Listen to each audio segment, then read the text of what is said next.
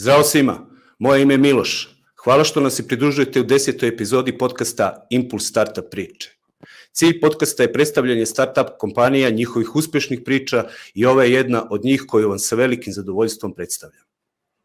Joberti, trenutno najznačajnija platforma IT poslova koja povezuje kandidate i poslodavce u Srbiji. Ima za cilj da, kada je reč o IT industriji, pruži korisničko iskustvo i edukuje pomenutu tržište. Oni veruju da su nosioci napretka društva, upravo startupi i tehnološke kompanije. Preko 30.000 registrovanih korisnika i mogućih kandidata i preko 600 registrovanih kompanija. U ovoj startup do sada je investirano 350.000 dolara, čime je evaluacija dostigla 3,3 miliona dolara. Polako ali sigurno osvajaju i tržište Balkana. O svemu tome, ali i još nekim zanimljivim temama u otvorenom razgovoru sa co-founderom i CEO-om kompanije Joberti Nikolom Mijailovićem.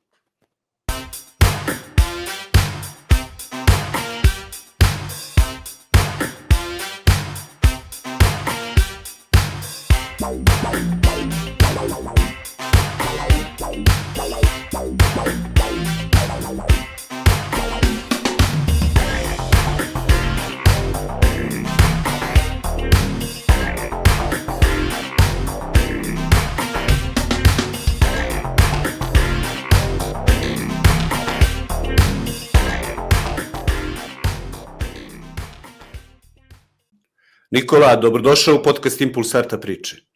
Ćao Miloše, bolje te našao. Hvala još jednom na pozivu. Ćao. Uh, za početak, reci mi kako si? Dobro, odlično. Ovaj, malo umorno, negde pred kraj dana, ali ovaj, svako negde uspešna nedelja, tako da ne bih da se žavim. Za sad sve ide super. Mm, sjajno. Uh, ko je Nikola kada nije CEO Jobertija? Uf, ma, ma onako a, nezgodno yes. pitanje, ovaj, yes, yes, ali, ali dobro, ajde da ajde da, da, da kažemo, pre svega sebe vidim kao serijskog preduzetnika i velikog ljubitelja startapa i tehnologije i možemo još da kažemo otac jedne male devojčice od dve i po godine. Eto, mislim da je to za početak dovoljno. Sjajno. Uh, da li si možda rešio da piješ još neku vrstu espresa osim ristretoa? Pa ne, ovaj, isključivo pijem ristretto nekada kada, kada je već baš kraj dana, pa možda hoću malo da promenim, onda dodam malo ovaj, mleka, ali izbjegavam, tako da u suštini samo ristretto. Mm -hmm. živiš li i dalje na Voždovcu? Da, već ja mislim nešto više od 16-17 godina, od 2005. godine, tako da ovaj, već sam tu dugo Inače, spetom okolnosti sam završio saobraćeni fakultet, ovaj, tako da sam i zbog toga bio na Voždovcu, a opet danas živim tačno preko puta saobraćenog fakulteta, tako da izgleda da mi je to neka sudbina trenutno. Ako je kako je. Ali, ali ide ali je dobro. dobro. Ide dobro. Jeste. da. da. Um, zanimljivo pitanje, da li je mlađe dete dalje po nekom nepisanom pravilu napornije od starijeg? Da li je mlađe dete, izvini, ako možda ponoviš. Da li je mlađe dete i dalje po nekom nepisanom pravilu napornije od starijeg? A, jeste, jeste, jeste. Ove, mo, može da, da, da damo kontekst drugima ove, zbog ovog pitanja da, da, da nas možda ne shvate pogrešno. Um, situacija je bila takva da kad sam krenuo da radim na Jobertiju, mi smo negde počeli da, da radimo tom projektu negde u januaru 2019. godine, ali je projekat, odnosno platforma zvanično lansirana početkom jula 2019. A, a znači sad je bio public launch, a tri nedelje pre toga sam ovaj, dobio svoju prvu čerku i onda a, koje roditelj će me razumeti kako izgleda prvi mesec, a posle prve dve, tri nedelje, tako da ovaj, možda nije bilo idealno vreme i nije bio možda idealan tajming za, za pokretanje startupa i lansiranje novih proizvoda, rešenja, ali takav mi je horoskop, tako da šta da se radi. Možda nije, a možda jeste bilo idealno vreme. Idealan tajming. Baš u tom moguće, trenutku moguće. sve ovaj možda da se sve tako baš poklopi eto da i svega toga uh, danas i iza su sjajne uh, sjajne iskustva, sjajne priče uh, na, na, na oba koloseka. Hajmo polako da započnemo, proširimo u stvari priču o Jobriti kompaniji za početak, employer branding je važna stavka, oblast u današnjem svetu poslovanja. Šta ti misliš o employer brandingu? Pa svakako mislim da je bitna tema i već duže vremena onako visoko na, na agendi u, u, u HR sektoru, uopšte u HR industriji i tako dalje, iz razloga što situacija je trenutno takva da je a, a ja ću se možda sad fokusirati na, na, na startup i IT industriju, pošto može, može, da. podcast nam je veze za to, pa, pa da budemo u kontekstu, tako, ovaj, uh, velika je potražnja za programerima, developerima i uopšte IT profesionalcima na tržištu, kako lokalno, tako i globalno i sve je teže i teže. I prosto kompanije se sve više bore da, da pronađu prave kandidate i uh, situacija je već godinama takva da sami kandidati, odnosno programeri, su ti koji biraju koja, koja će biti prava kompanija za njih i gde će prosto nastaviti svoju karijeru. I zbog same te situacije koja je trenutno tako kakva jeste na tržištu, kompanije moraju da, da nađu način kako da se najbolje pozicioniraju i kako da privuku s jedne strane, a s druge strane i zadrže najbolje talente. Tako da employer branding je jedna od stvari koja je rezultat te posledice, odnosno situacije na tržištu, tako da ako pričamo o employer brandingu, važan je kako interni, znači vezano za šta je ono što vi radite za svoje zaposlene koji su vam trenutno ovaj, u timu, kako ih motivišete, zadržavate, razvijate i tako dalje, ali s druge strane bit, takođe vrlo, vrlo važan je i taj ek, takozvani eksterni employee branding, odnosno kako i na koji način se vi prezentujete kandidatima, kako privlačite nove kandidate da se pridruže vašoj kompaniji. I to je jedna od stvari, uh, ajde da kažemo, u kome se trenutno Joberti nalazi i negdje da smo mi, mogu reći slobodno, jako dobro pozicionirani. Mm -hmm. Sjajno. Uh, koje su trenutno najveće predrasude koje prate IT industriju? Uh, pa ono što ima ih dosta verovatno, ali kao što kao rekao, svakoj industriji. Tako je, kao što se rekao, predrasude, a pre svega mislim da, ta priča da je ovaj da su programeri previše razmaženi i da samo jure lovo, odnosno novac i tako dalje. Mislim, toga naravno ima, ali ne bih rekao da je ni, ni blizu može neki standard u industriji. Uh, apropo te teme da su razmaženi, uh, mislim o čemu se dosta priča, ima skoro i neki šaljih vide na tu temu i tako dalje. Uh, ono što, što ja mislim to je da su to prosto ljudi, odnosno ljudi koji su na tržištu, koji samo koriste svoju uh, situaciju koja je tako kakva jeste i prosto bore se na najbolji način za, za sebe da dobiju što bolje uslove rada, beneficije i, i sve drugo što je ono što je njima važno. Tako da ne bih rekao da su zbog toga razmaženi, samo mislim da, da rade ono što, što bi svako nas treba da, da radi, da se bori za sebe i verovatno će previ kasnije slične situacije biti u drugim industrijama, tako da to, to je nešto što, što svi možemo da, možemo da očekujemo.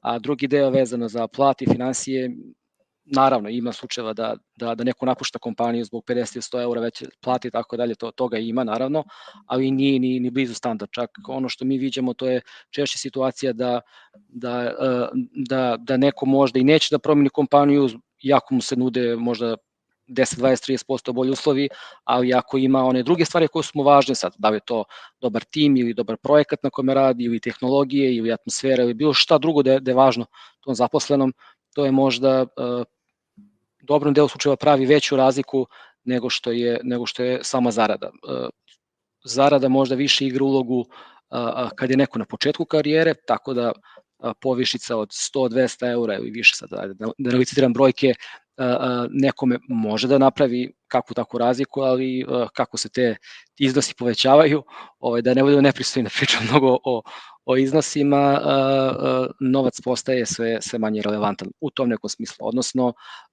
možda bolji finanski uslovi nisu prvi na listi glavnih kriterijuma kada neko donosi odluku o promjeni kompanije. Mm -hmm. Potpuno se slažem. A, dodao bih i da, što se tiče jel te, programera i svih ostalih, to vrlo je jednostavno. U današnjem trenutku to je sistem ponude i potražnje. Tako je. Vrlo su jednostavne stvari. Dakle, potražnja je ogromna, ogromna, naročito za senior programerima i midior i junior i jel te, za, u zavisnosti od kompanije šta, šta, šta, šta im je potrebno u datom trenutku, ali su zaista, ovaj, uh, zaista velika potražnja. I uh, stručan kadar, kadar koji može brzo i kvalitetno da, da, da, da, da radi svoj deo posla uh, u programiranju, da uh, radi na projektima je naravno ne samo kod nas, već i u celom svetu uh, vrlo cenjen. I sad tu dolazimo do toga jer je otvoreno tržište, pa uh, imamo takođe i situacije programera gde uh, ne radi za, za, za ljude sa ovih prostora, već radi za, za kompanije iz Amerike, prima njihovu platu, možda nije čak i, i, i ovaj sa nekim sniženim procentima, već full, full ovaj uh, cash, upravo zbog toga, zbog njegovog kvaliteta. Dakle, on se izborio ili ona, kogoda je, izborili su se u, u, na, na globalnom nivou, u, svetska konkurencija, uh, uh, u svetskoj konkurenciji došli su do toga da, uh, da budu, eto, uh, među najboljima, da kažem. Tako da upravo to i, za... i, i, i samo da i samo i kao što si rekao samo da samo se nadovežem ali izvinite što ste mhm. prekinuo ovaj ali uh, upravo to što si rekao i mislim mislim da si dobro, dobro poentirao uh, situacija je takva da tržište više nije lokalno. Jako mi možda posmatramo na taj način jer zbog cele situacije ja ako sam, evo, uzet ćemo sad programere, odnosno software inženjeri, kako da ih nazovemo, ovaj, mhm. ako sam trenutno zaposlen ili sam u potrebi za poslom, ja mogu da radim za kompaniju u Srbiji, gde god da se nalazimo tako, ali takođe imam toliko mogućnosti da radim bilo gde za bilo koju kompaniju, to je za dobar deo kompanije u svetu remote, tako da tržište više nije lokalno, postaje sve više globalno ako pričamo o IT industriji, to je i, i same neke promene koje se može dešavati na globalnom, globalnom nivou dosta se preslikavaju i spuštaju na lokalno tržište, tako da to, to je brzo. današnja realnost. Mm. Upravo to. Uh, sledeće pitanje, da li je Joberti uspeo da pruži potpuno otvoren ekosistem? Pa mislim da nismo još uvek, a i mislim da smo na dobrom putu. Ovaj, to, to postiće više, da kažemo, neki ideal nego što je možda cilj koji je realno kao takav mm -hmm. stvariv, ali svakako negdje idem u tom smeru. Uh, uh, svako mislim da je, ako pričamo o Srbiji, Srbija je bolje mesto sa, sa Džobertijem nego bez Džobertija, posebno ako se fokusiram na, na IT zajednicu i mislim da smo stvarno uh, bez lažne skromnosti dosta stvari uradili za, za samu IT zajednicu i ono što uh, vidim kao dobru stvar to je da i neki drugi konkurenti koji su bili na tržištu pre nas, imaju su možda dosta jaku tržišnu poziciju, ovaj, su s našim dolaskom počeli da, da menjaju neke stvari kod njih i svako negde na, na bolje. Mislim da bolje svakako za, za uh, ciljnu grupu, odnosno za celo IT zajednicu. Tako da mislim da je to nešto što je dobro što se dešava, e sad to potrebno je određeno vreme da, da se možda uh, neka situacija promeni, ali mislim da smo na dobrom putu. Da, da, da. Što ti kažeš, ovaj, to, je, to je više misija, ali ste na dobro putu i, i, i naravno je uh, sjajna stvar Roberti po, po, po zajednicu, a zanimljivo je to što si rekao da ste vašim ulaskom, uh, kako bih uh, rekao, uh, prodrmali uh, tržište, jel te, ovaj, kon konkurenciju uh, svojom uslugom, svoj, svojim ovaj, uh, drugačijim načinom rada i, i svim onim vrednostima koje, koje vas izdvajaju od konkurencije. Dakle, nema uspavanosti, svi, svi moramo biti agilni u 21. veku i prilagođavati se pre svega korisnicima. To je ono Tako je. najvažnije. Da. Suština na kraju dana je da, da rešavaš, rešavaš nečiji problem i da ovaj, dok god rešavaš taj problem i dok god je neko spreman da ti plati za rešavanje tog problema, imaćeš uh, održivu stvar, mislim održivu za, za biznis, a naravno radiš dobru stvar za, za, za svoje korisnike. Tako da to, to je nešto što je, što je suština, po mojom viđenju. Da, i po mom. Slažemo se. uh, iz tvog iskustva, da li bi mogo da nam kaže šta žele mlađi i stariji inženjeri ili pak juniori i seniori programeri? Neki detalj iz vaše statistike ili tako nešto. Verujem okay. da ima mnogo što što statistike ima dosta, ali sad ako bismo možda baš neke konkretne uh, brojke pri, prikazivali, mo, možda ne bi bilo ovaj, uh, toliko interesantno, ali više bih možda rekao uh, nešto što je naš zaključak uh, radeći sa, sa klijentima na, na tržištu već, ajde da kažemo, dve i po godine.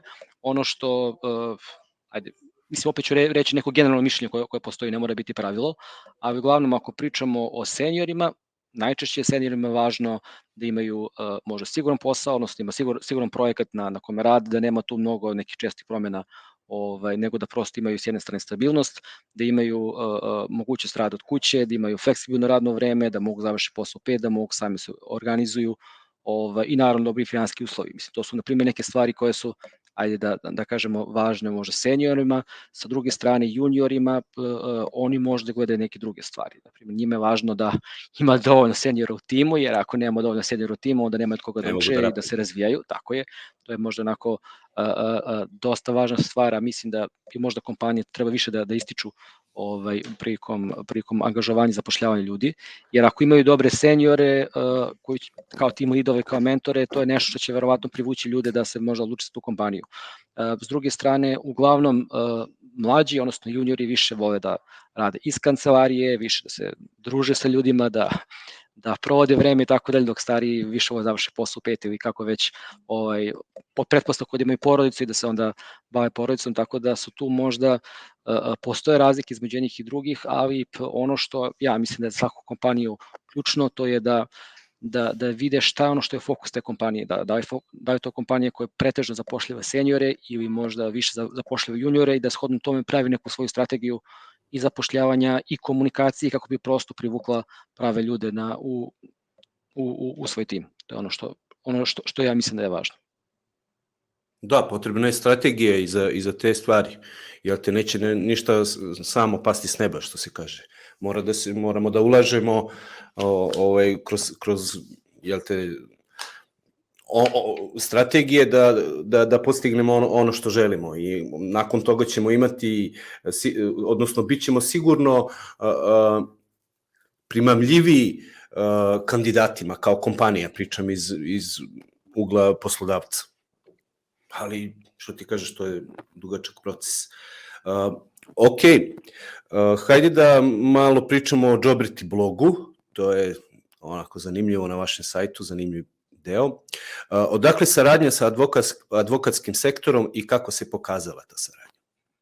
Aha, ok, a, u suštini mi smo negde sa samim logom krenuli više, nije na to možda bio plan od, od prvog dana, ali se pojavio kao potreba jer smo pre svega sa strane klijenata Uh, odnosno kompanija koja sarađuje sa nama, uh, oni su prosto imali potrebu da na neki način se dodatno istaknu na našoj platformi da ispričaju svoju autentičnu priču da se predstave, prezentuju, pričaju svojim uspesima ili sve ono drugo što je njima važno i e, blog kao takav je jedan od kanala koji oni, oni takođe mogu da koriste, a sa druge strane to nama daje priliku da opet radimo dodatnu e, edukaciju naših korisnika, da pričamo o nekim temama koje su interesantne, da damo priliku nekim ljudima da kažu nešto pametno. Ovaj, mm. tako da smo išli u tom smeru. E sad to vezano za advokate, to je možda više splet nekih okolnosti nego što je to možda bilo onako strateški rađeno, da, da budem iskren. Hvala mi ti smo zbog, zbog, mi smo zbog prirode, mi smo zbog prirode našeg posla a, kojim se bavimo dosta a, vezani za, za rad sa advokatima. S jedne strane po prirodi našeg biznisa, a sa druge strane pošto smo imali određene a, investicione procese gde ne bio potrebna prosto pravna podrška advokata, onako s njima smo duboko ušli u saradnju i mogu reći da, da smo od njih dosta naučili oko nekih stvari koje prosto možda ljudi nekad u biznisu zaboravlja, posebno ako pričamo o široj IT zajednici, možda su i neke stvari nepoznate. A mi mislimo da su dobar deo tih stvari, da li je to vezano za uh, uh, privatnost, da li je vezano za, za NDA ili za uh, ISO plan, za zaposlene, već neke druge teme koje mislimo da su važne, po, posebno da tržište zna o tome i onda ovaj, s jedne strane imali smo dobre konekcije sa, sa advokatima koji su imali šta, šta dobro i pametno da kažu, a, primetili smo da o tim temama se ne priča mnogo na tržištu i prosto tu smo negde videli priliku ovaj, da, da, da nešto novo prezentujemo. Sjajno. Uh, šta misliš, da li će se prognoze za naše tržište ostvariti? Prognoze su da će do 2025. biti tri puta više zaposlenih u IT industriji, što bi nas dovelo do cifre od 120.000 zaposlenih. Uh, ja bih voleo da se to ostvari, ali nisam baš to toliki optimista, po prirodi sam optimista, a toliko ne, to znači da bismo bili na, na, na nivou jedne Rumunije danas, koja ima negde oko, oko 120.000 ljudi u, u IT industriji, to, to su neke brojke koje su dostupne. Uh, mislim da je možda realno do narednih uh, 3-4 godine dođemo do možda brojke od 80-90 hiljada, tako nešto. Trenutno ih ima oko 50 hiljada po nekim procenama uh, i neki desete hiljada uh, možda novih koji dolaze na tržište rada i ajde da kažem, ulaze u, industriju i prilagođava se tako dalje, ali mislim da, da 120.000 je onako malo, ovaj, previše optimistično, ali a, a, s druge strane mislim da, da imamo toliko ljudi na tržištu, mislim da bi u roku od godinu dana svi mogu da budu zaposleni. Znači to je a, jako velika potreba, jako velika potražnja, a, mnogi biznisi u Srbiji trpe jer ne mogu prosto da nađu odgovarajuće ljude, odnosno dobijaju zahteve za, ako pričamo na primjer o outsourcingu, ajde smo to kao primjer, pošto ipak mm -hmm. na moju žalost outsourcingski je većinski, da, može 70-80%, ako ne i više. Ovaj, a, njihov biznis je direktno vezan za to da imaju dovoljan broj a, inženjera a, koji su u okviru development tima koji mogu da isporuče, isporuče njihove usluge, tako da njima biznis direktno trpi ako nemaju ljude koji mogu da rade na projektima. Tako da često čak dešava situacija da, da, da moraju da otkazuju projekte, odnosno da uopšte ne ulaze u neke projekte zato što ne mogu da nađu ljude. Tako da, da imamo te ljude danas na tržištu, ja ne bih uopšte imao dilemu da bi skoro, skoro svi dobili posao u jako, jako kratkom vremenskom periodu.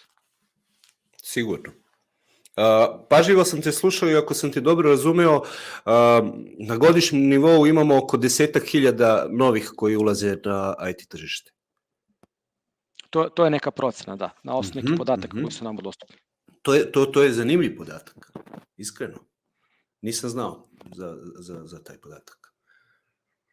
Mi, mislim da je tako neka brojka, evo, sasvim je onako našao, pa gledam da, da nisam napravio. Pa dobro, nije, nije važno, znaš, ne mora, ne mora u, u, u, što se kaže, u glavu, ali mislim, od mislim da čak znači... možda, da, da, da možda uh, polovinu i možda malo više od toga izbacuju uh, postojeći fakulteti i visoke škole kao obrazovne institucije, pored toga uh, ima deo ljudi koji prolaze određene, određene škole za prekvalifikaciju, ima ljudi koji su prosto, prosto samouki, tako da Uh, mislim, kaže samouki možda nemaju neko formalno obrazovanje, ali prosto uh, uh, kreću rano da dolaze ovaj posao, uče da li preko Udemy kurseva ili preko YouTube ili preko nekih drugih dostupnih alata, tako da uh, može čak brojka i manje od 10.000, ja sad razmišljam da li se možda napravio neki previd, ali uh, čak i da je 10.000 u optimističnom scenariju, onda bismo došli do možda 80-90 naredne 3-4 godine.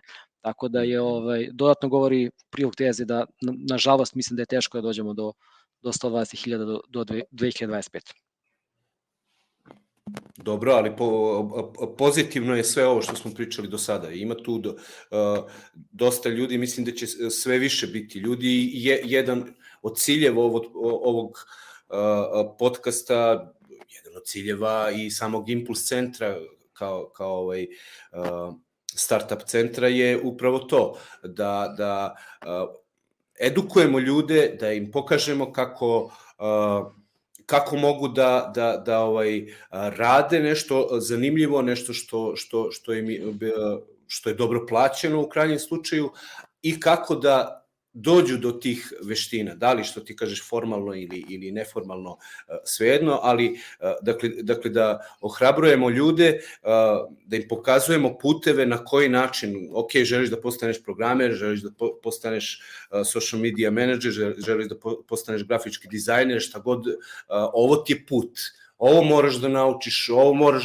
u ome moraš da se usavršiš, kako bi bila bio relevantan na tržištu uh, rada. Ali svakako je pozitivna uh, priča da uh, i, i, i zaključak možda, u stvari poentiranje u ovom pitanju sa moje strane je da svako može, to imamo mi jedan u sloganu Impulsu, možeš i ti. I sad me on asocirao, ali zaista je tako. Dakle, možeš i ti, svako može. Uh, da li je jednostavno? Nije, kao i svaki drugi posao. Tu se pravi malo veći hype po meni, da znaš, uh, za pola godine ćeš postati programer koji će primati 5000 evra platu i živeti na Havajima i tako dalje treba treba posmatrati realniju sliku, ali da li da li postoji mogućnost da da da svako izabere neki svoj novi put, novu karijeru? Da, više nego ikada u današnjem trenutku postoji ta ta mogućnost za sve uz pomoć interneta i svih jel te ovaj kanala uz pomoć kojih možemo da učimo i radimo. Tako, što, se, što se kaže, a ako, ako gledamo a, istoriju, ne postoji bolje vreme a, gde čovjek može da dobije a, veliki, veliku većinu znanja besplatno. To, to, je, to je nešto što a, znanje je toliko dostupno, a, mislim da prepostavimo da, da neko ima internet konekciju ovaj, računar i tako da. dalje i možda preko telefona, tako da stvari su dosta dostupnije nego možda ranije i u tom nekom smislu dosta lakše. s druge strane ima i možda i, i previše informacije, tako da čovjek treba da se snađe da, da, da nađe možda pravi mhm. put, ali ovaj, uh, mislim, sad baš apropo toga, uh, uh, kad ste već spomenuo da, da je sad znanje postaje besplatno i tako dalje, ja sam se između ostalog poslednjih par meseci krenuo malo, malo više da se, da se interesujem za, za uh, Web3 i uh, ne toliko i za kripto generalno i tako dalje i onda sam uh, onako krenuo malo da, da učim i da nađem neke materijale. Ove, I sad, uh, pošto sam inače više ljubitelj knjiga, po defaultu sam prvo krenuo da kažem, ok, ajde da vidimo šta postoji od knjiga da, na, na tržištu, da se pročite na tu temu, da onako prvo stvori neku, neku osnovu i, ovaj, i pričajući sa ljudima koji su u blockchain industriji, sam prodao feedback, pa mislim, knjige možda nađeš, a to što ti danas pročitaš za šest meseci je to ovaj, a, a, dobro ti kao neka osnova se jako, jako brzo menja. I, i više su me onda usmerili na, na neki podcast, neke materijale i onda s tim u vezi uh, sam dobio preporuku i to se prosto zaista oduševio i sad sam po tim uteskom ovaj pričam. Uh, uh, jedan od najjačih univerziteta, MIT, Uh, ima pred, i, između ostalog uh, uh, ima ima uh, svoj program koji se zove Open School ili tako nešto, nisam kako se zove. Uglavnom, poenta je da su određena predavanja koja, koja postoje na, na univerzitetu se snimaju i dostupna su javno na YouTube i već na drugim kanalima besplatno. I uh, vi onda bukvalno imate priliku da, da slušate najbolje profesore i najbolje stručnjake na svetu koji pričaju o, o nekim blockchain, nekim naj, najrelevantnijim temama, ovaj, gde kao da ste vi u učionici. Mislim, ok, nemate priliku da mhm. se možda javite, ali tu je predavač, ide diskusije, idu neka potpitanja, ovaj, uh, uh, i onda je meni to prosto bilo fascinantno. Uh, mislim, postoji to mnogo ranije, ali eto, uh, sam sam došao u tu situaciju, sam tražio neke informacije, našao sam ih na ovaj način, da, da prosto toliko informacije na, na, na taj način dostupno, samo je prosto potrebno uh, naći pravi način kako doći do njih. MIT, eto, po, podsjetio si me, ja, ja znam za, za ovaj, uh, tu, tu platformu, odnosno za, za, za njihov rad i, i sve ostalo. Ne samo oni, već i mnogo drugih univerziteta uh, takođe ima, ima taj open uh, deo gde možeš ti da pratiš, čak ima, imamo i neka slično Udemy automatizovana auto, automatizovane korake gde ne znam imaš neke zadatke koje može, moraš da završiš u određenom periodu, slušaš, pratiš razne predavanja. To je to. Dakle, eto, i, uni, i univerzitetsko znanje ti je, ti je na dohvat ruke moram da se nadovežem, sad smo otvorili ovu temu, Svor, ovaj, ali mislim da je možda Zanimljivo je tema. Jeste interesantno i, i relevantno možda za, za ove slušalce, mislim za, za tvoje slušalce. Ovaj, uh, ja kada sam počeo da učim pre par godina o, o startup industriji, kako funkcioniše i, i koje su neke ključne stvari i slično, uh, jedan od prvih materijala koje sam uh, uh, dobio i oslušao, uh, mislim da se zvao uh, How to Start Startup, čini mi se da je to bio naziv, to je bilo predavanje od pre možda 6, 7, možda i 8 godina, nisam već siguran, koji je baš na Stanfordu držao Y Combinator. Znači, za, za one koji možda ne znaju, Y Combinator je nači, beljo nači akcelerator na, na svetu. Da ne pričam, od, od Airbnb-a, Dropboxa do uh, DoorDash, neki drugi koje, koje podržao sad da ih ne, nabrajam, ali skoro za svaku IT kompaniju za koju ste čuli, oni su bili neki koji, koji su prošli akceleraciju Y Combinatora. Znači Y Combinator je do, dovodio eksperte i držao je predavanje u okviru nekog entrepreneurship programa na na Stanfordu i ta predavanja su javno dostupna. Tako da i to je bukvalno bio jedan od prvih materijala koje sam oslušavao na, na, na početku procesa učenja o startupima.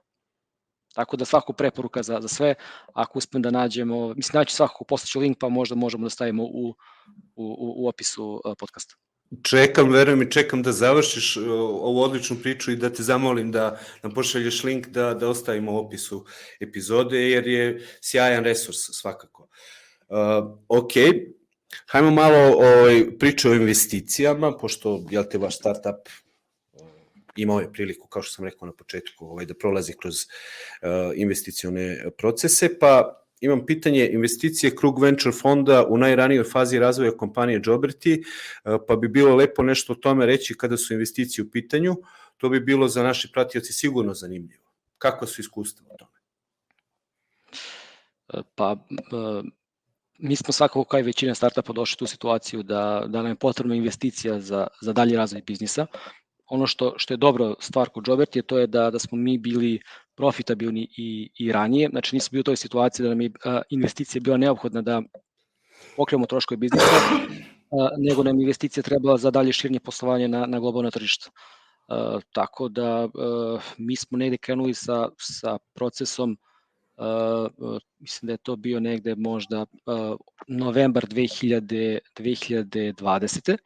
Uh, u tom nekom periodu, pošto smo tad već bili zrela platforma, imali smo prvi rezultati, imali smo trakciju i slično, uh, i tu je krenuo ceo proces. Znači, počeo je bukvalno od, odeš na Google i kucaš how to create pitch deck, znači bukvalno na, na tom nekom nivou ovaj, e, gde onda nađeš neki dobar primjer, nađeš opet neki resurs, opet se vraćamo na, na tu priču da, da je znanje danas besplatno i dostupno i, i opet se vraćamo možda na Y Combinator, jer, je, jer nam je jedan od uzora svakako bio, mislim, koji se pokazuje na tržištu, to je primjer pitch deka koji je radio Airbnb koji je podržan od strane Y Combinator. I baš Y Combinator na svojim predavanjima spominje to kao jedan od role modela kako bi taj prvi pitch deck trebao da izgleda.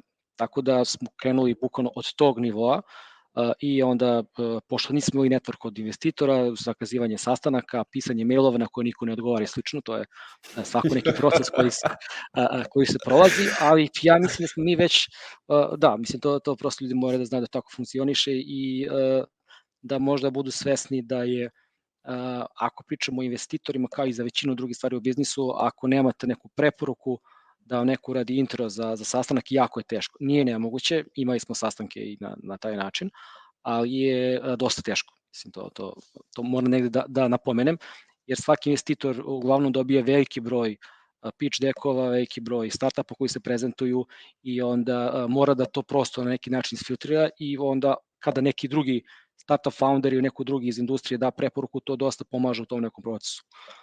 Tako da je nama možda trebao, ja mislim, je nekih možda mesec, mesec i po dana da zakažemo prvi sastanak, da držimo prvi sastanak, to je možda bilo, na primjer, novembar, to jest, izvini, nek, decembar 2020 da bismo mi onda, na primjer, već u februaru, znači nakon nekih meseci po dana, mada januar je mrtav period, smo već imali nekih 7-8 investitora u procesu, znači imali smo neke VC fondove, imali smo neke angel investore, imali smo neke kompanije koje su, su bili u pregovorima sa nama za investiciju, i to je onda proces koji, koji ovaj, funkcioniše. Neko moje iskustvo koje je tu, koje mislim da je onako značajno za, za, za druge startup foundere koji će verovatno prvi kasnije proći sličan put. Uh, naravno, prvi dek koji nam je bio je bio očajan u odnosu na, na ono kakav nam je sada i, i to se vremeno uči i uopšte i svi neki pratići materijali, ali uh, stvar je u tome što vi imate prvi sastanak sa investitorom u životu, na primjer, i sad imate neku prezentaciju, imate neki dek i vama investitor postavi neka pitanja. Uh,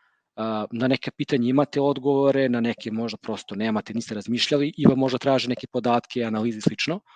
Vi onda ako nemate podatak, vi se ona zahvalite i kažete u redu, posjećemo kao follow-up mail nakon sastanka i slično. I onda završite sastanak, uradite domaći zadatak, pripremite novi izveštaj, prezentaciju, šta god vam investitor traži i pošaljete tom procesu. Ali ono što je dobra stvar, što onda kada imate kasnije sastanak sa nekim drugim investitorom i velika je verovatnoća da će vam postaviti isto pitanje, vi onda već sve imate spremno. Mm -hmm. I onda nakon drugog, trećeg, petog, šestog, desetog sastanka, vi kad dođete prvi put na sastanak sa investitorom, ne postoji stvar manje više na, na koju vi nemate odgovor. Neko vam postavi pitanje, vi pokažete prezentaciju.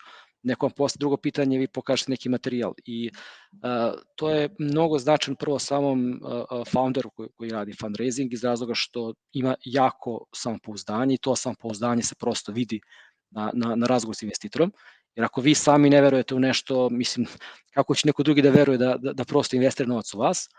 Ovaj, tako da je, uh, to je pre svega uh, mnogo značajno i drugo, mnogo ste profesionalni, oslite bolji utisak i veća verovatnoća da ćete prosto zatvoriti dogovor nakon tog procesa. Tako da je neka moja preporuka za, za sve startup foundere kada krenu proces fundraisinga, a neka krenu na vreme, mislim što pre krenu to, to bolje, jer će da dosta nauče kroz taj proces, svaku priliku koju imaju da razgovaraju sa investitorima, svaku priliku koju imaju da, da drže neki pitch, da li je to na nekom uh, takmičenju u okviru nekog akceleratora, nekog demo deja, sad ima dosta tih nekih opcija, ovaj, neka iskoriste tu priliku, verovatno će biti dosta loši kao što smo bili očeni na, na početku, a kasnije smo osvajali neke nagrade, posle možda godinu dana, tako da taj proces učenja ide jako brzo, ali da prosto iskoriste svaku od tih prilika.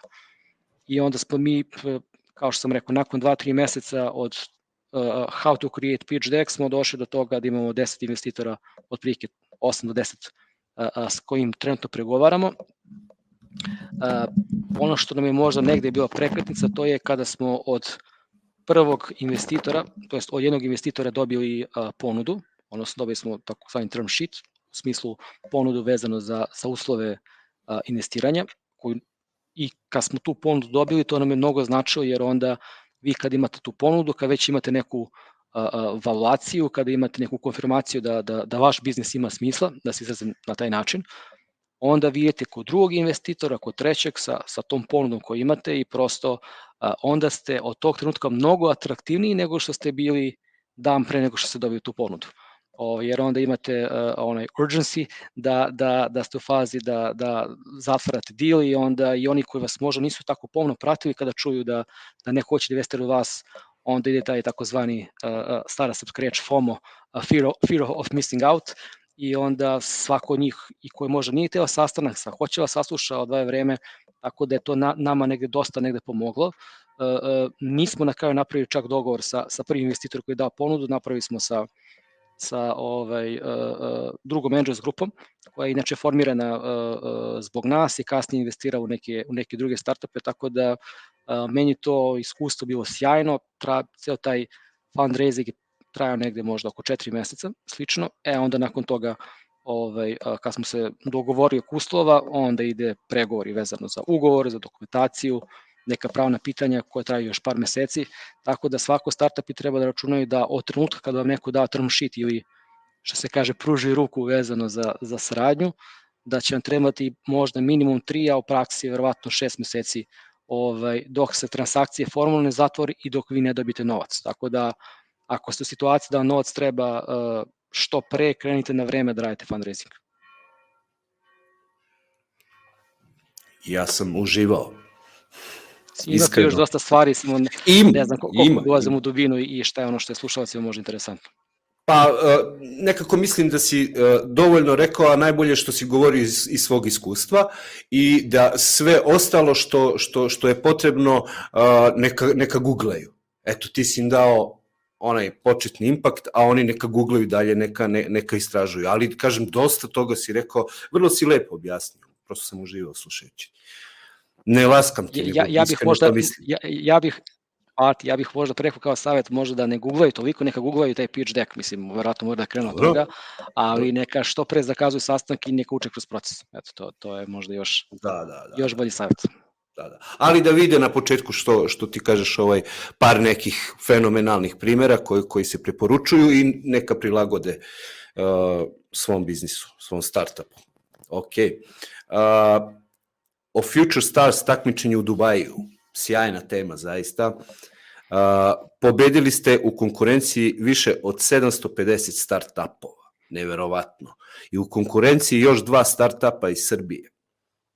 Uh, voleo bih da čujemo onako iz, iz, iz, utiski iz prve ruke i odakle poziv na takvo takmičenje, kako ste došli u poziciju da, da, da se predstavite u Dubaju. Jasno. Uh, mi smo u sklopu nekog istraživanja tržišta, nekog da kažemo dalje skaliranja biznisa van Srbije, smo razmatrali koje su još opcije.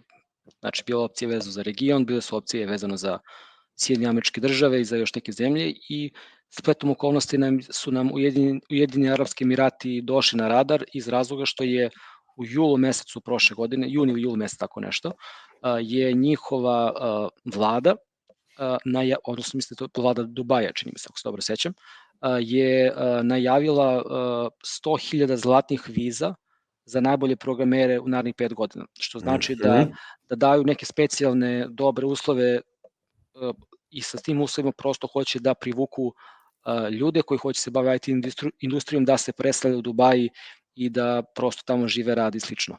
Ovaj, a znajući kako, a, a, kako ljudi u tom delu sveta a, funkcionišu kad imaju neki cilj da ga odmah ostvare. Oni su verovatno negde posle turizma i nekretnina videli da je i, i nafte, odako, videli da je možda IT industrija neka budućnost i nama je to već bio signal da, da je to možda next big thing kod njih i da je to možda inicijalna kapisla i dobra prilika za nas da na vreme uđemo na to tržište. To su, to su bile neke početne informacije i razmišljanja da, da nam je Dubaj i, i Emirati su nam došli na radar.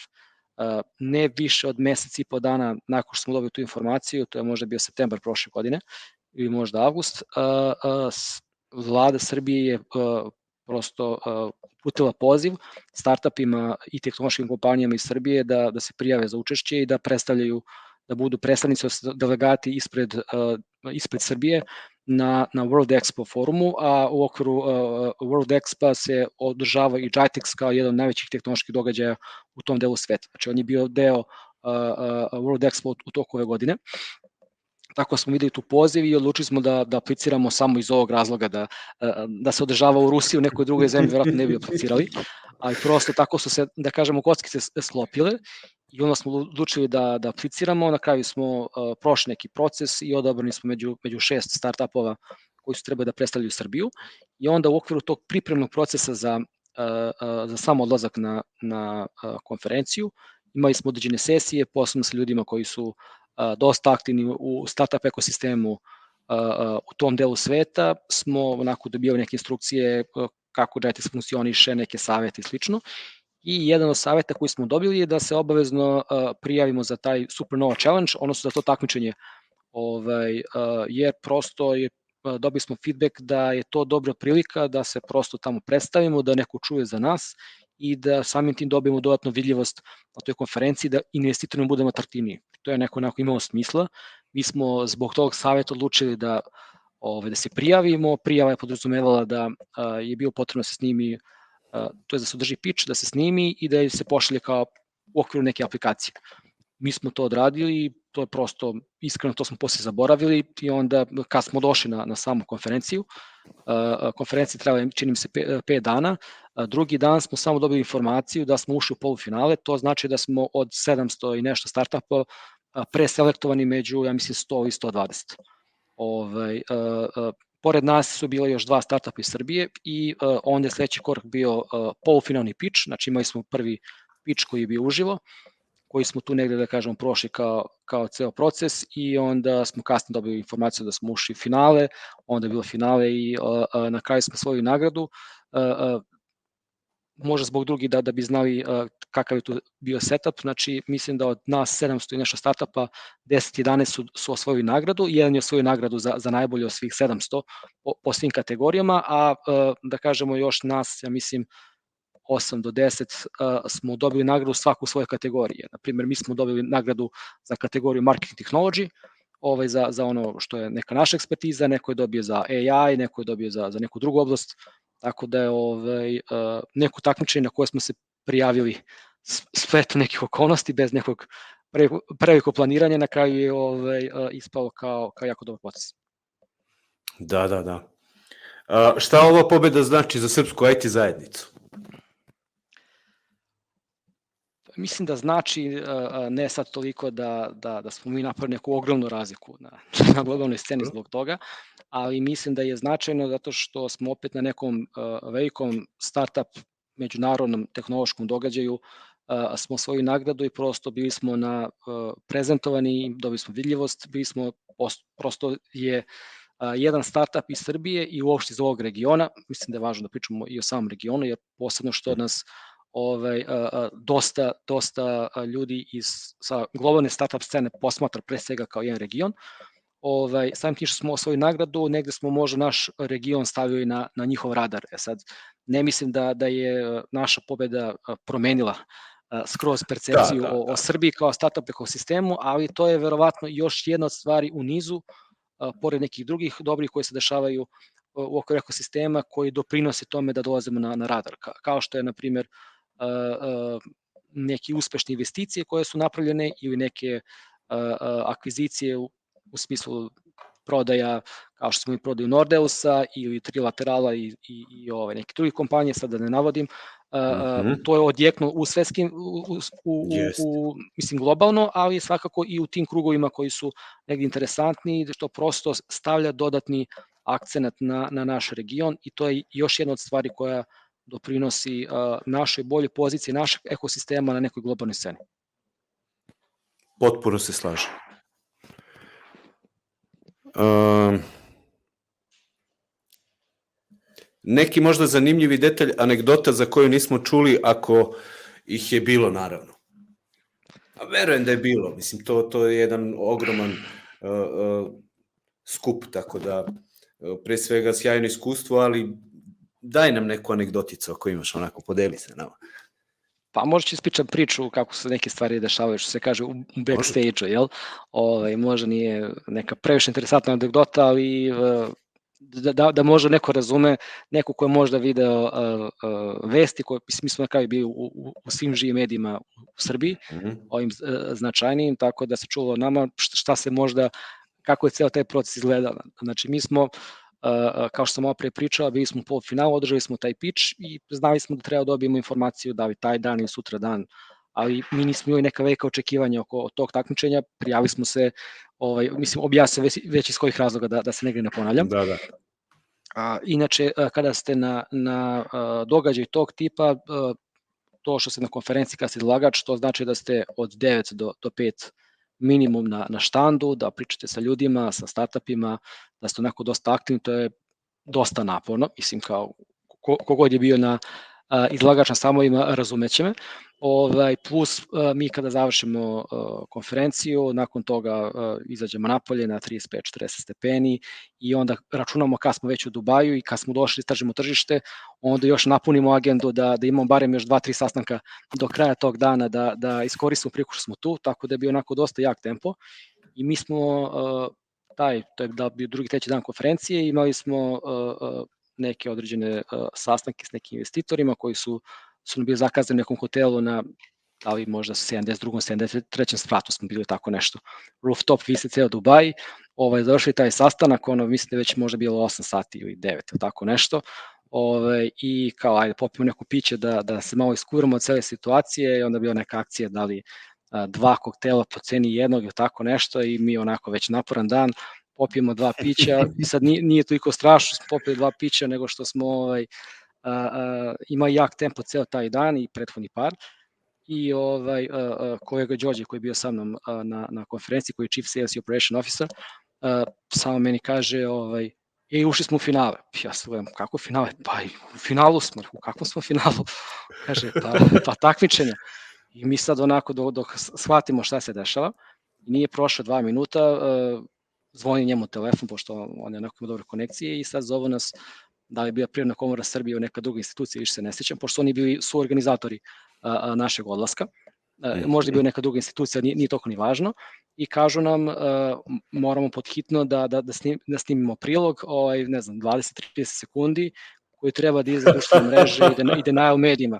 A mi u da, da. ne znamo gde se nalazimo, popili, sad se nalazimo u tom nekom hotelu i sad mi treba da snimimo taj ovaj, a, a, da ponesu neku poruku, pa opet se trudiš kao ok, sad kad snimaš nešto da kažeš nešto pametno, pa da spomeneš one koje treba da spomeneš, pa da ovaj, kažeš nešto motivišti i slično, a, a najmanje ti do, do svega toga. Ja mislim da nama treba jedno pola sata vremena da, da, da snimimo tih 20-30 sekundi i odradimo mi to nekako. Dolazim uveče i sad sutra dan je, to je već kasno uveče kad dolazim u hotel, već sutra dan ujutru rano mi treba da imamo uh, pitch, znači sad treba da se pripremamo za finale, znači opet je neka odgovornost, sad smo svim živim medijima, mediji to najavio na, naravno na, na, velika, na, na, na velika zvona i slično, već se osjećamo sad neku dodatnu odgovornost i predstavljamo Srbiju i slično, ovaj, malo se tu ne menja percepcija i sad mi planiram, to jest ja koji sam držao pitch, planiram da ustanem ujutru da, da se pripremim za to sve, ovaj, na, na vreme. I Izvini, ti, si, ti, ti si jedini, ti jedini prezenter. Ja, ja sam, da, da, Aha, uh, okay, okay, okay. Bude, jedan, bude jedan prezentar, ja sam bio tu ispred kompanije uh -huh, uh -huh, ovaj, okay. uh, na tom događaju i sad treba se pripremamo i mi onda dobijamo uh, od Prirodne komore Srbije koja je bila, uh, kao što sam rekao, uključena u organizaciju celog sajma, dobijemo poziv da uh, snimimo prilog sutra dan ujutru, ja mislim da je bilo u 7 ujutru, ovaj, ili tako neko vreme, više se i ne sećam, uh, uh, za da li neku televiziju, ja sad ne reklamiram koja je televizija, bila je neka sa nacionalnom frekvencijom. Dobro. I sad uh, ne možeš da odbiješ. Mislim, prosto ovaj, tu smo došli, smo podržali i važno je, i važno je i nama je za promocija i prosto hoćemo da ispoštamo te ljude i onda mi ustajemo 3 sata, a, a snimanje se radi na skroz drugom delu Dubaja. I onda mi ustajemo 3 sata ranije, sedamo, preskačemo doručak, idemo tamo da bismo snimili prilog. Ovaj, tad je bila vest da, da je baš taj dan i u toj emisiji je najavljeno da je Škoda dolazi u Kragujevac i da investira, prosto misli da otvara neki novi pogon, tako nešto, zaboravio sam detalje. I mi isto treba da budemo tu i bukvalno mi se uključujemo u kadar, to traje ono 7-8 sekundi, izlazimo iz kadra i onda vraćamo se drugi deo Dubaja i držamo prezentaciju. Tako da je onako bilo a, a, dosta naporno, cela ta priča, ali a, iskustvo na kraju je bilo fenomenalno jer izlazimo na stage, pošto je bilo finale, što je ogroman stage, to je možda bilo neki 200-300 ljudi publika, a pritom oni od toga prave show, znači imaju radijske, ono, vrhunski radijske voditelje koji oko toga prave priču i do pozadina i do pozadine neka muzika i slično, tako da je ovaj, bilo sam taj pitch finalni je bio sjajno iskustvo i odlična energija, pritom cijela delegacija Srbije je došla tu da nas podrži i slično, tako da je ovaj, na kraju to sve ispalo super, a u suštini smo se, kao što sam rekao, prijavili tako što smo dobili preporuku da, eto, možda bi bilo loše da se prijemo za neko takmičenje. Mm -hmm. Fenomenalno. Hvala ti što, što si ovaj podelio ovo. Možda sam malo odužio, izvin na tome, ali... Nisi, ne, ne, ne, ne, ne veruj mi. Sve, da, da neko razume sve, kontekst. Ma, sve je fenomenalno, ovo je vrlo značajno i vrlo važno, a, a pre svega je važno da, da, da si pričao iz, i, i, iz perspektive tvoje uloge. Uh, dakle, i da vide uh, i da čuju svi naši slušalci i gledalci jel te, ko, koji žele da uđu u startup svet, Ti si pre ovog pitanja uh, govorio na tu temu, ali i, naročito sa ovim pitanjem uh, uh, da vide realnu sliku startup života. Dakle, znaš, ako te to ne loži, ako, ako, ako te to ne pokreće, uh, džaba sve što, što se kaže, ali je potrebno uh, dosta eto truda, rada, energije, uh, znaš i, imaš uh, trenutke kada nije ti ni do čega, a moraš da budeš naj naj najbolji 100%, ne 100, 150% sebe mora da daš u tom trenutku na nekom piču važnom ili šta god da je u pitanju. Dakle, sve to taj startup svet, odnosno startup život, iskustva, neka, ne, ne znam da li, da li sam sad ja malo odužio i da li pravu poentu šaljem, dakle ne, ne pričam ništa, ništa loše, da je to teško i sad to je, jao nemojte. Ne, uđite u startup svet, ali pogledajte šta sve nosi uh, cela ta priča. Dakle, ta kamera tih 30 sekundi uh, nekog, nije nekog, nego važnog snimka na gde god nacionalnoj frekvenciji, kao što si govorio, uh, koliko je potrebno truda, rada, energije, e, želje, svega, svega, svega, svega, svega, da bismo došli do trenutka da 30 u 30 sekundi govorimo o toj svojoj ideji, o uspesima te, te svoje misije, svoje ideje i tako dalje i tako dalje. Svakako fenomenalno iskustvo. Uh, ok, saznali smo da smo dobili naziv Silicijumska dolina Balkana kao lideri u blockchain tehnologiji ali i kao oblast sa velikim brojem visoko obrazovanih talenta u IT oblasti. Šta misliš, da li nam pristaje sve ovo? Hm, teško pitanje. Sada ako kažem da, da, da ne pristaje, ne, neće verovatno biti dobro za slušalce. ovaj, a, šalim se, pa a, ako pričamo o blockchainu, verovatno da. Znači, svakako a, a, naša startup scena koja je vezana za blockchain je dosta, dosta jaka. Imamo dosta nekih dobrih i zanimljivih priča i a, svakako čini mi se da smo u nekom svetskom vrhu ako pričamo o blockchainu. Ako pričamo generalno o, o izvini, molim te, industriji... izvini, molim te, nastavit ćeš taj deo o startupima, samo da kažemo o blockchainu. Imali smo i mi sjajne goste, jel te, na, u prethodnim epizodama. Tenderli, tako beš. Tenderli, znaš, ono, na, na, na pitanje, moje pitanje, uh, kako se postavljate prema konkurenciji i tako dalje, njegov odgovor je mi nemamo konkurenciju. Što je Čoveče, znaš, što je, što je potpuno tačno, ali uh, kako je to sjajna priča, neverovatno. Jeste. Izvini, tu sam te hteo samo da se nadovežem oko, oko blockchain tehnologije i tako dalje. Da, da, mislim da smo tu zaista dosta jaki. Tako da ako pričamo, ako pričamo o blockchainu i o toj tehnologiji, mislim da, da su naši startupi pri samom vrhu i, i, i možda možemo poneti tu u titulu koji si rekao. A, a, s mhm. druge strane, mislim da a, ako pričamo o globalu, o našoj startup sceni, celom ekosistemu, da tu ima još dosta nekog prostora da, da, da napreduje i da se negde razvijamo. Mladi smo, ali, ali, ali da se, se razvijamo. Jest, ali, da. ali da se, i ono što mi vidimo čak u regionu, da, da budem iskren, mislim da, da tu opet negde kaskamo i za Hrvatskom, i za Bugarskom, i za Rumunijom, ali mm -hmm. uh, prosto neke su okolnosti bio drugačije, oni su opet svi u, u našoj okolini su u Evropskoj uniji, imali su možda više nekih mogućnosti, imali su više nekih fondova koji su bili tu, jer do pre, na primjer, 3-4 godine slično u Srbiji je bio aktivan samo jedan fond, u smislu da, da je operisan na ovom tržištu, da, da kažemo tako. Sad je mhm. takvih, pa možda 10 do 15, ako ne i više. Znači, za, za 3-4 godine se situacija mnogo promenila, a to je nešto što će između ostalog dosta doprineti da, da se naš ekosistem podigne na gore, dolaze bolje vremena, a prosto treba još tu vremena da, da se radi na tome. Slažem se. Uh, već si delimično i odgovorio na sledeće pitanje koliko se razlikujemo odnosno na, na, na hrvatsku priču, pošto znamo i da, da, da se, da se ovaj, tamo širite. Hajde da, da pre, pre hrvatske priče ovaj, to već ljudi znaju, ali onako sveže što se kaže, pratimo se i na LinkedInu i, i, i svuda, pa smo videli da, da se širiti na bugarsko tržište. To je takođe vrlo zanimljivo i zato smo i stavili u najavi ovaj, za, da, da ste za područje Balkana onako vrlo zanimljivi kao startup. Pa kako je iskustvo i, i, i naravno ako možeš ona, onako i o ideji širenje na bugarsko tržište, koja je razlika u odnosu na naše i tako te neke zanimljivosti. Može, naravno. Ovaj, Mislim, sada sam uh, sve stavio u jedno pitanje, buć kuriš ovaj, svega, ali eto, neka bude bugarsko tržište, tri tačke.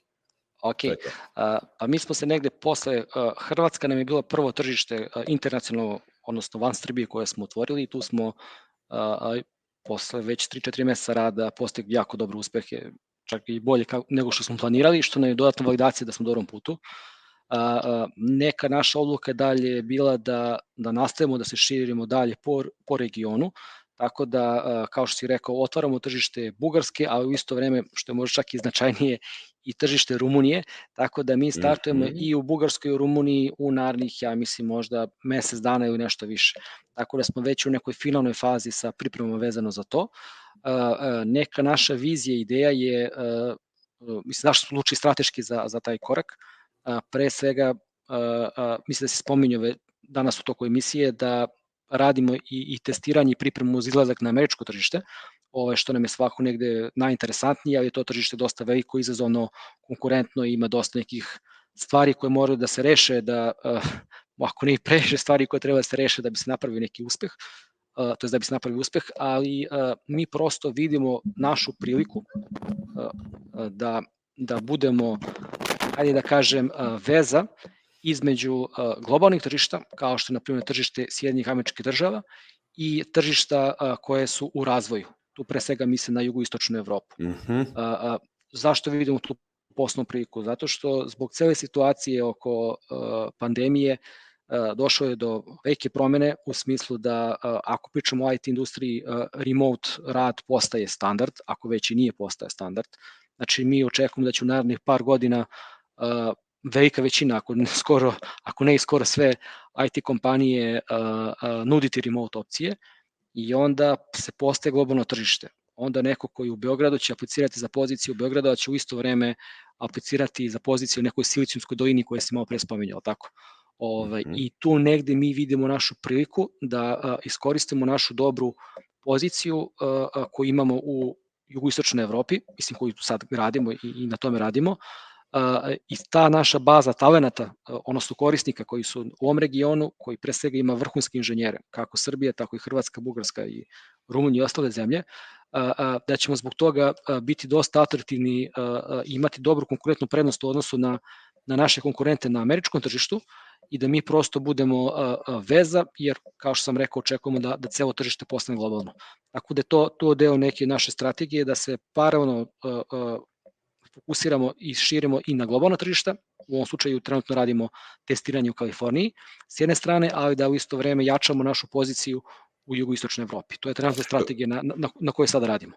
Ovaj, a sad ako, ako baš pričamo o Bugarskoj Rumuniji, mi smo radili neko inicijalno istraživanje koje je poduzumevalo da smo pričali sa stakeholderima, znači sa, sa samim developerima, sa tehnološkim kompanijama, potencijalnim klijentima, IT organizacijama i tako dalje, manje više zaključak je da je region ima dosta slične potrebe. Problemi su slični u smislu da je imaju dobre inženjere, velike potraže za novim ljudima, nema dovoljno ljudi na tržištu, ima čak i jakih globalnih igrača, posebno u Bugarskoj i Rumuniji, znači većina globalnih najpoznatijih IT kompanija, sad ih ne, ne, ne reklamuju ne imenujem, imaju kancelari ili u Bugarskoj i Rumuniji, ovaj, neke od njih i u Hrvatskoj, neki naravno u Srbiji, tako da mi tu prosto vidimo, vidimo neku priliku i pre svega dobijemo dosta veće tržište nego što imamo sada.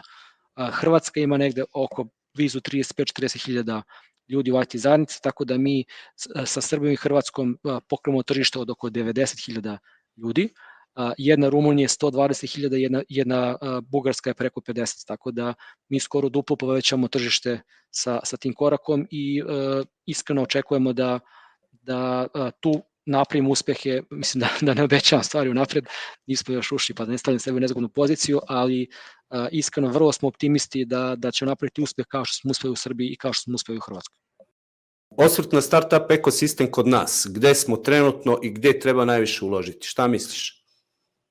Ono što ja mislim da je dobra stvar, ako pričamo o, o našem ekosistemu, to je verovatno jedna od najvećih prednosti, to je da imamo veoma jak inženjerski kadar. Ako pričamo o tehničkim pozicijama, da je to software developer, software engineer, QA i neke druge pozicije, tako tu smo dosta jaki i što se negdje vidi zbog samog tržišta koje je tako kako jeste, što smo spomenuli danas, ja mislim, u toku podcasta, da je negde verovatno preko 80%, ako ne više, je kompanija, u, u IT kompanije u Srbiji su outsourcing firme. Tako da, što znači da u velikoj većini slučajeva oni rade za inostrane klijente, razvijaju rešenje za, za njih, tako da uh, imamo dosta dobar kadar, imamo dobre inženjere i slično. To je ono što je dobro. Sad, uh, zbog cele te situacije, nažalost, nemamo dovoljno startupa kao neku kritičnu masu. Po nekim procenama je negde između 200-300, možda do maksimum 400, koji su trenutno aktivni na, na našem tržištu. Uh, i ono što nam negde verovatno najviše nedostaje to su te druge netehničke role. Znači nedostaju nam ljudi sa iskustvom u sales, odnosno prodaja, mhm. marketing, go to market strategija, podrška i pa i neke stvari vezane za financije tako da znači one takođe mnogo važne stvari za uspeh nekog biznisa. Ne kažem da proizvod kao takav nije važan, ali važan jeste, ali vi možete imati najbolji proizvod na svetu ako nemate dobar sales, marketing, način da to plasirate, da ljudi čuju za vas i slično, sve drugo pada u vodu. Ove, I to je ono što verovatno trenutno najviše nedostaje našem ekosistemu, znači te neke druge pozicije, a to prosto nedostaje zato što mi kao tržište nismo imali priliku da dovoljno naučimo o tome. Znači da imamo više startupa i kroz te startupe da prolaze ljudi na ovim pozicijama, onda bi oni kasnije razvijali neke druge startupe ili bi se prosto kadar bi se stvorio, tako da to je nešto, jedna od stvari koja mi se najviše nedostaje, a krucijalna je za, za, za sam uspeh. I to je nešto što ja možda vidim trenutno kao najveći izazov. Ranije možda bio problem finansiranja jer nije bilo dovoljno kapitala na tržištu, odnosno, ajde da kažemo, visi fondova koji su bili fokusirani na ovaj region. Mislim da to sad nije problem, ja čak mislim da, da budem iskren da, da trenutno VC-evi koji su onako agresivni u ovom regionu imaju veći problem da, da, da nađu gde da investiraju novac. Ovaj, mislim da je trenutno takva situacija, tako da ne mislim da, da, da je sad finansiranje nešto što je problem. Ovaj, uh, mislim da je prosto samo potrebno da prođe neko vreme, neki određeni ciklus, da je to godinu, 2, 3, 5, 7, ovaj, sad ne bi tačno da, da licitiram, da neki uspešni startupi naprave neke rezultate, da onda ljudi koji će u njima raditi nauče posao i onda će ti ljudi kasnije, neko će imati kompaniju, to je startup prodaće nekom drugom, onda će taj kapital verovatno da da ovaj a, uloži a, a, u neki drugi posao i da pokrene neki drugi startup kao, kao što su sada svi a, ex Facebook, ex Google, ex Uber, tako će biti sutra da neko ex Orgnostic, mm -hmm. ex Tenderly ili ovaj a, da, da. Kao što se priča između ostalog o, o takozvano, mislim svi znaju za PayPal mafiju, ovaj, uh, iz koje su kasnije izašli uh, ne znam, LinkedIn, uh, uh, Palantir, uh, Tesla i, i i, o, i ostale kompanije SpaceX i slično. Skromno, skromno. Skromno.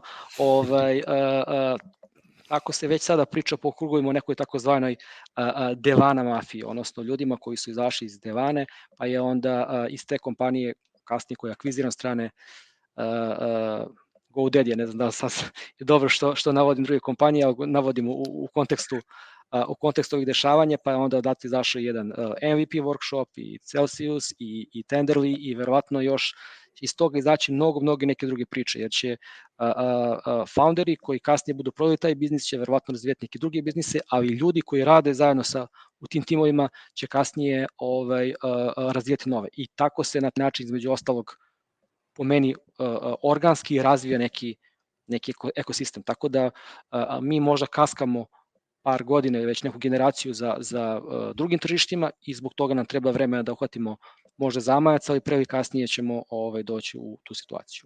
Ja mislim po meni da je ovo glavni izazov. Ima tu naravno neke stvari vezano za regulativu, ovaj, za možda neku podršku za države i slične stvari, ali mislim da je to sve, ne bih rekao da je, da je uh, nevažno, ali i relevantno u odnosu na ovaj problem koji sam naveo. U potpunosti se slažem sve si ovaj, uh, onako uh, sažeto objasnio i istakao prave probleme, zaista da. Uh, novac je tu, uh, ima toliko programa, ali ove, ove druge stvari su zaista mnogo važnije. Uh, ovo će biti dobro kao podcasta, bit će dobro i da ga isečemo kao, kao deo, da podelimo jel ti, na YouTube-u i na uh, mrežama. Kaži mi, znamo, jel te čuli smo kroz podcast, putovali ste kao startup, sarađivali ste sa drugim startup kompanijama, koliko se razlikujemo i postoji li sad tu neka krucijalna razlika koju si primetio u, u razgovoru sa, sa drugim, da kažemo, stranim startup kompanijama? razgovarali svako jesmo, negde imamo iskustva, velika prednost onih startupa koji se nalaze u baš jakim ekosistemima, sad da li je to a, Silicijumska dolina ili je možda Berlin ili, ili Izrael i tako dalje, gde su prosto oko vas nalaze startup founderi, nalaze uspešne priče, sve ovo što sam malo pred govorio u pitanju je u tom nekom kontekstu, u tako da a, da. celo to okruženje dosta doprinosi i pomaže startupima da, da prosto postižu uspeh, jer imaju i bolje talente na tržištu, imaju više znanja koje mogu da dobiju, interesantni su investitorima i tako dalje. Tako da bih rekao da, da su ti su možda u blagoj prednosti u odnosu na, na, na nas koji možda nismo u toliko razvijeni ekosistemima, ali sa druge strane na kraju dana svi mi vodimo istu globalnu ovaj, utakmicu, tako da, tako da se tu negde ovaj, borimo i mislim da nešto što možda, hajde rekao bi da, da našem tržištu malo nedostaje, to, to je neki moj zaključak i to je, to je na nama kao osnivačima da, da radimo više na tome, to je da možda nedostaje malo više komunikacije, ne komunikacije, nije, komunikacija prava reč, možda više saradnje između samih startup osnivača.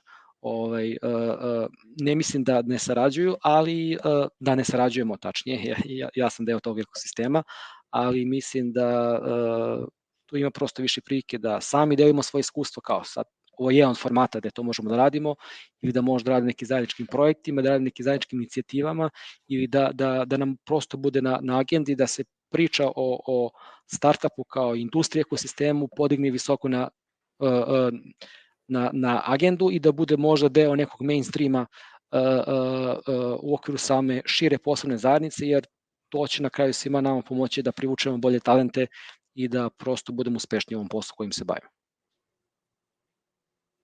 100% tačno.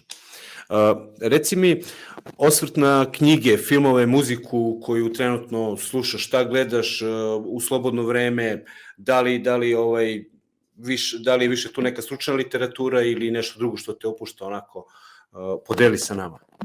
Mislim, šta god. A, ja u suštini televizor nemam već, ja mislim, pet ili šest godina. Tako Nemam ni ja. Tako, Nemam da, nija. ovaj, a, ali mi uopšte ne nedostaje. Mislim, ne, ne možete problem sa tim, nisam pobornik da, da ne mislim da, da, da, da treba gledati televiziju slično, ovaj, skoro sam ok sa tim, ali prosto spletu nekih okolnosti, nikad nisam bio neki ljubitelj i ovaj, a, a, trenutno su u toj situaciji, situaciji da, da već 5-6 godina nemam, nemam televizor, tako i ne, uopšte mi ne nedostaje. A, serije sam ranije gledao možda mnogo više od kad sam dobio ovaj, čerku pre dve i po godine, a, sve manje, a imam i, kao što si rekao, i drugo dete, odnosno Džoberti kao drugo dete, ovaj, sve manje slovnog vremena i onda to slovno vreme i koje ostane se uglavnom koristi pre za porodicu nego za neke druge stvari. A, tako da, a, što se tiče knjiga, da, to čitam, ranije sam možda čitao i više nego što čitam sada, ovaj, a, kao literaturu i u suštini uglavnom stručna literatura svakako, ovaj, i nekako meni uvek bio fokus, sad ako pričamo o, o mom poslu kojim se sada bavim i ono što mi, naravno, meni sad profesionalnom fokusu, uh, uvek čitam literaturu koja mi je važna u tom trenutku. Pa onda uh, mislim da, da vidim kod tebe na stolu uh, uh, Lean Startup knjigu, čini mi se, ili sam je možda video malo pre, ovaj, ako sam dobro primetio, tako da uh, to je, na primer, literatura koju sam, jeste, Ovaj, to da, je literatura da. koju sam čitao kada sam bio na, na početku i sam čitao mm -hmm. knjigu kao mhm. što je Mamin test i tako dalje. Tačno, e sad, tačno. Sad, Imamo i nju.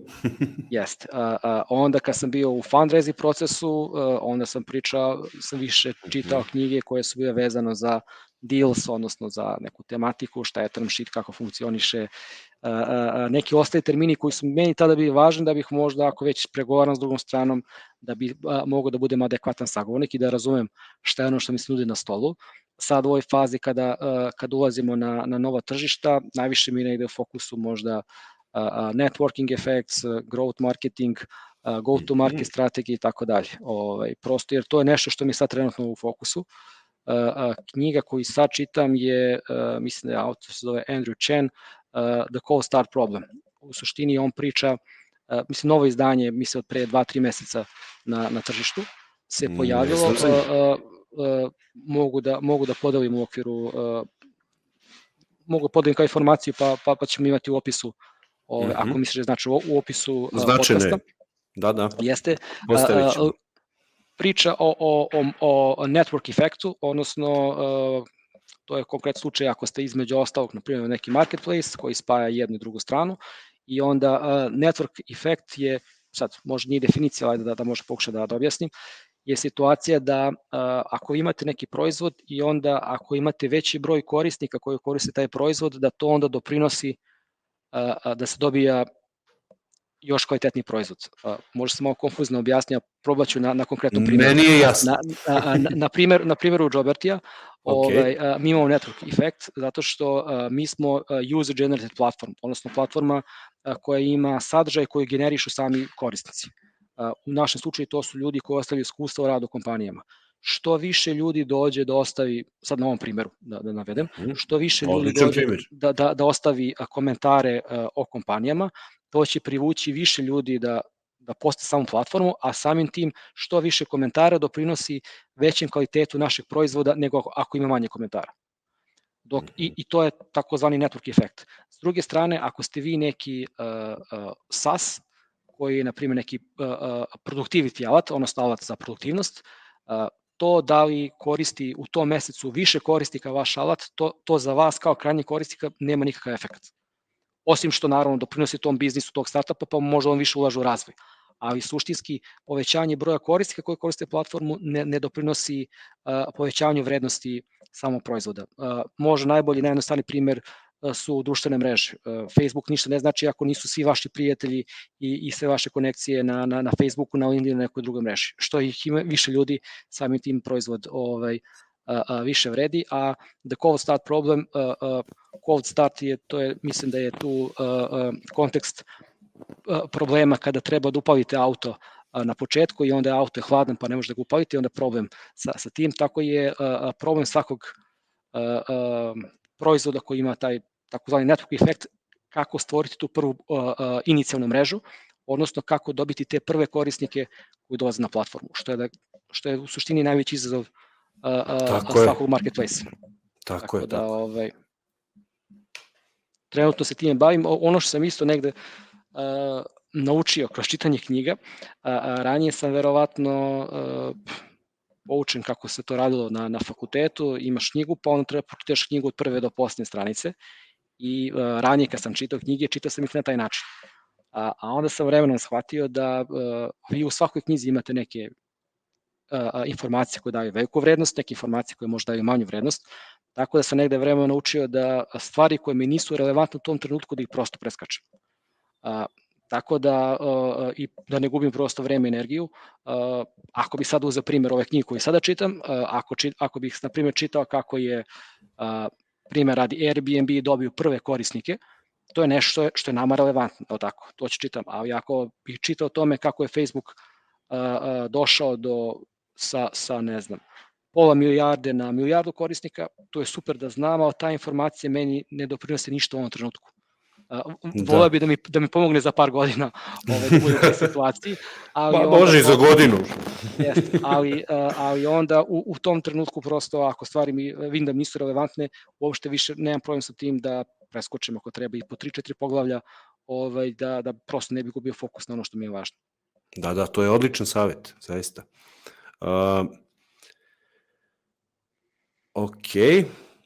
Često su bile reči motivacije u našem podcastu, saveti mladim startup timovima koji tek počinju, pa bi možda bilo lepo i da nastavimo sa tom tradicijom i ti danas eto preneseš uh, ne, ne, neke reči motivacije, podrške svim ljudima koji, koji su nas uh, gledali, slušali i koji eto žele, koji razmišljaju, koji se možda premišljaju uh, da li ući u, u startup svet ili ne. Ako me neko pita, definitivno da.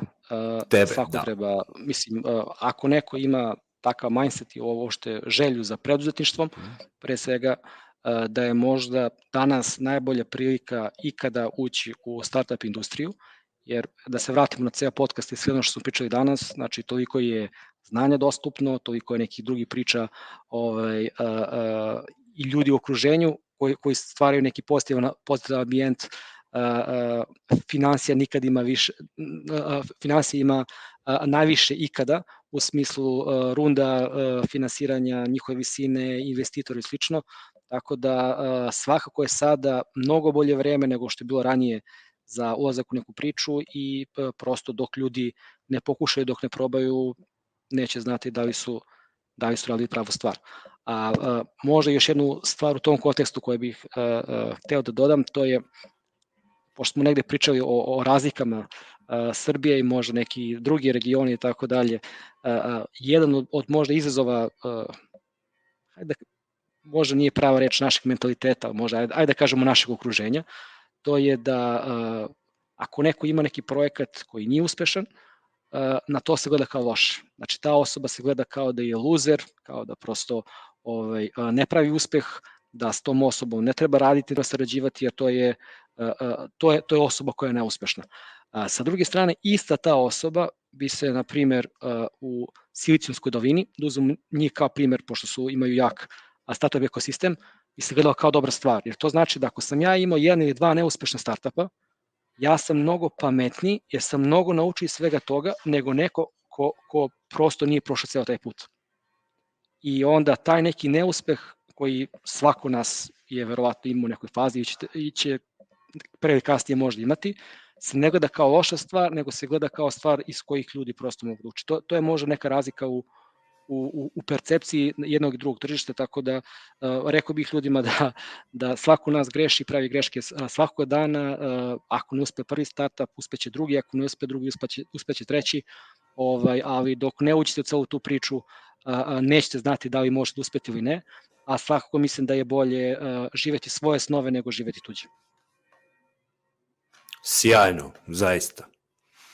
Uh, da li na kraju možemo da saznamo, pošto je ovo, da kažemo, sveža vest, koliko je bilo prijavljenih kandidata za vašu otvorenu poziciju za senior inženjera? Pratimo se na, na LinkedInu, šta da ti kažem? Proces, proces je još uvek u toku, ali uh, pa imali smo negdje, ja pošto je više različitih kanala, ja mislim da je negde sigurno oko 20 prijava. A, a, što sad neko ko možda nije u industriji, tamo brojka ne znači mnogo, ali s obzirom da se na prosečnu seniorsku poziciju prijavi 1, 2, 3 kandidata koji su relevantna, ovaj, ovo je svako nešto što je, da kažemo, napravilo razliku na tržištu. Ali još uvek tek treba da imamo te kandidate, tako da nismo možda okay, okay, poziciju. Okay. Ali da sama brojka što ti kažeš, Jeste. Mm -hmm. Ako ima senior software inženjera koji, koji traže posao i koji bi želi da, da, da, da rade u startupu kao što je Joberti, neka nam svako jave i vrlo rado ćemo da, da čujemo njihovu priču. Sjajno, želim vam puno uspeha i u pronalaženju kandidata, ali i jel te, u daljem razvoju va, vaše priče, vaših snova. Hvala ti Nikola na današnjoj priči, uživao sam, prosto imam osjećaj da bismo mogli da, da, da, da ovaj, razgovaramo još mnogo sati. To bi bilo to za danas u ovoj epizodi, možda će biti prilike i za još nekog, vidjet ćemo o tom potom. Svakako, eto, podeli na kraju sa nama kako je tebi bilo, ono, da čujemo kao utiske tebe kao gosta ovaj, naše podcastu. Mislim da mi je ovo možda treći ili četvrti pot, podcast i gostovanje u poslednjih možda šest meseci, tako da a, svaki neko drugačije iskustvo, a, a, možda mi je ovo bilo a, a, najveća razlika jer, jer cela neka diskusija i atmosfera je bila onako dosta možda opuštenija nego format koji sam imao kod drugih, ovaj, tako da sam ja apsolutno uživao. Nadam se da sam kroz svoje gostovanje dao neke informacije, dao vrednost ljudima dao ovaj, vrednost. koji slušaju to. ovaj, i to je nešto što je na kraju dana mislim da, da je najvažnije. A, a ako ne, svakako neka na ljudi pošalju feedback, pa a, volim da, da, da učim na, na feedbacku i na svojim greškama, pa da se potrudim da sledeći put možda budem još bolji. Sjajno, Nikola. Eto što, što kaže e, Nikola, pišite nam u komentarima pa ćemo ovaj, vidjeti kak, kako je današnja epizoda. Toliko za danas. Pratite uh, Džoberti na mrežama, pratite Nikolu na mrežama, naravno pratite Impuls Center na mrežama, pratite mene na mrežama, like, share, subscribe, sve već znate. Vidimo se u sledećoj epizodi. Zdravo!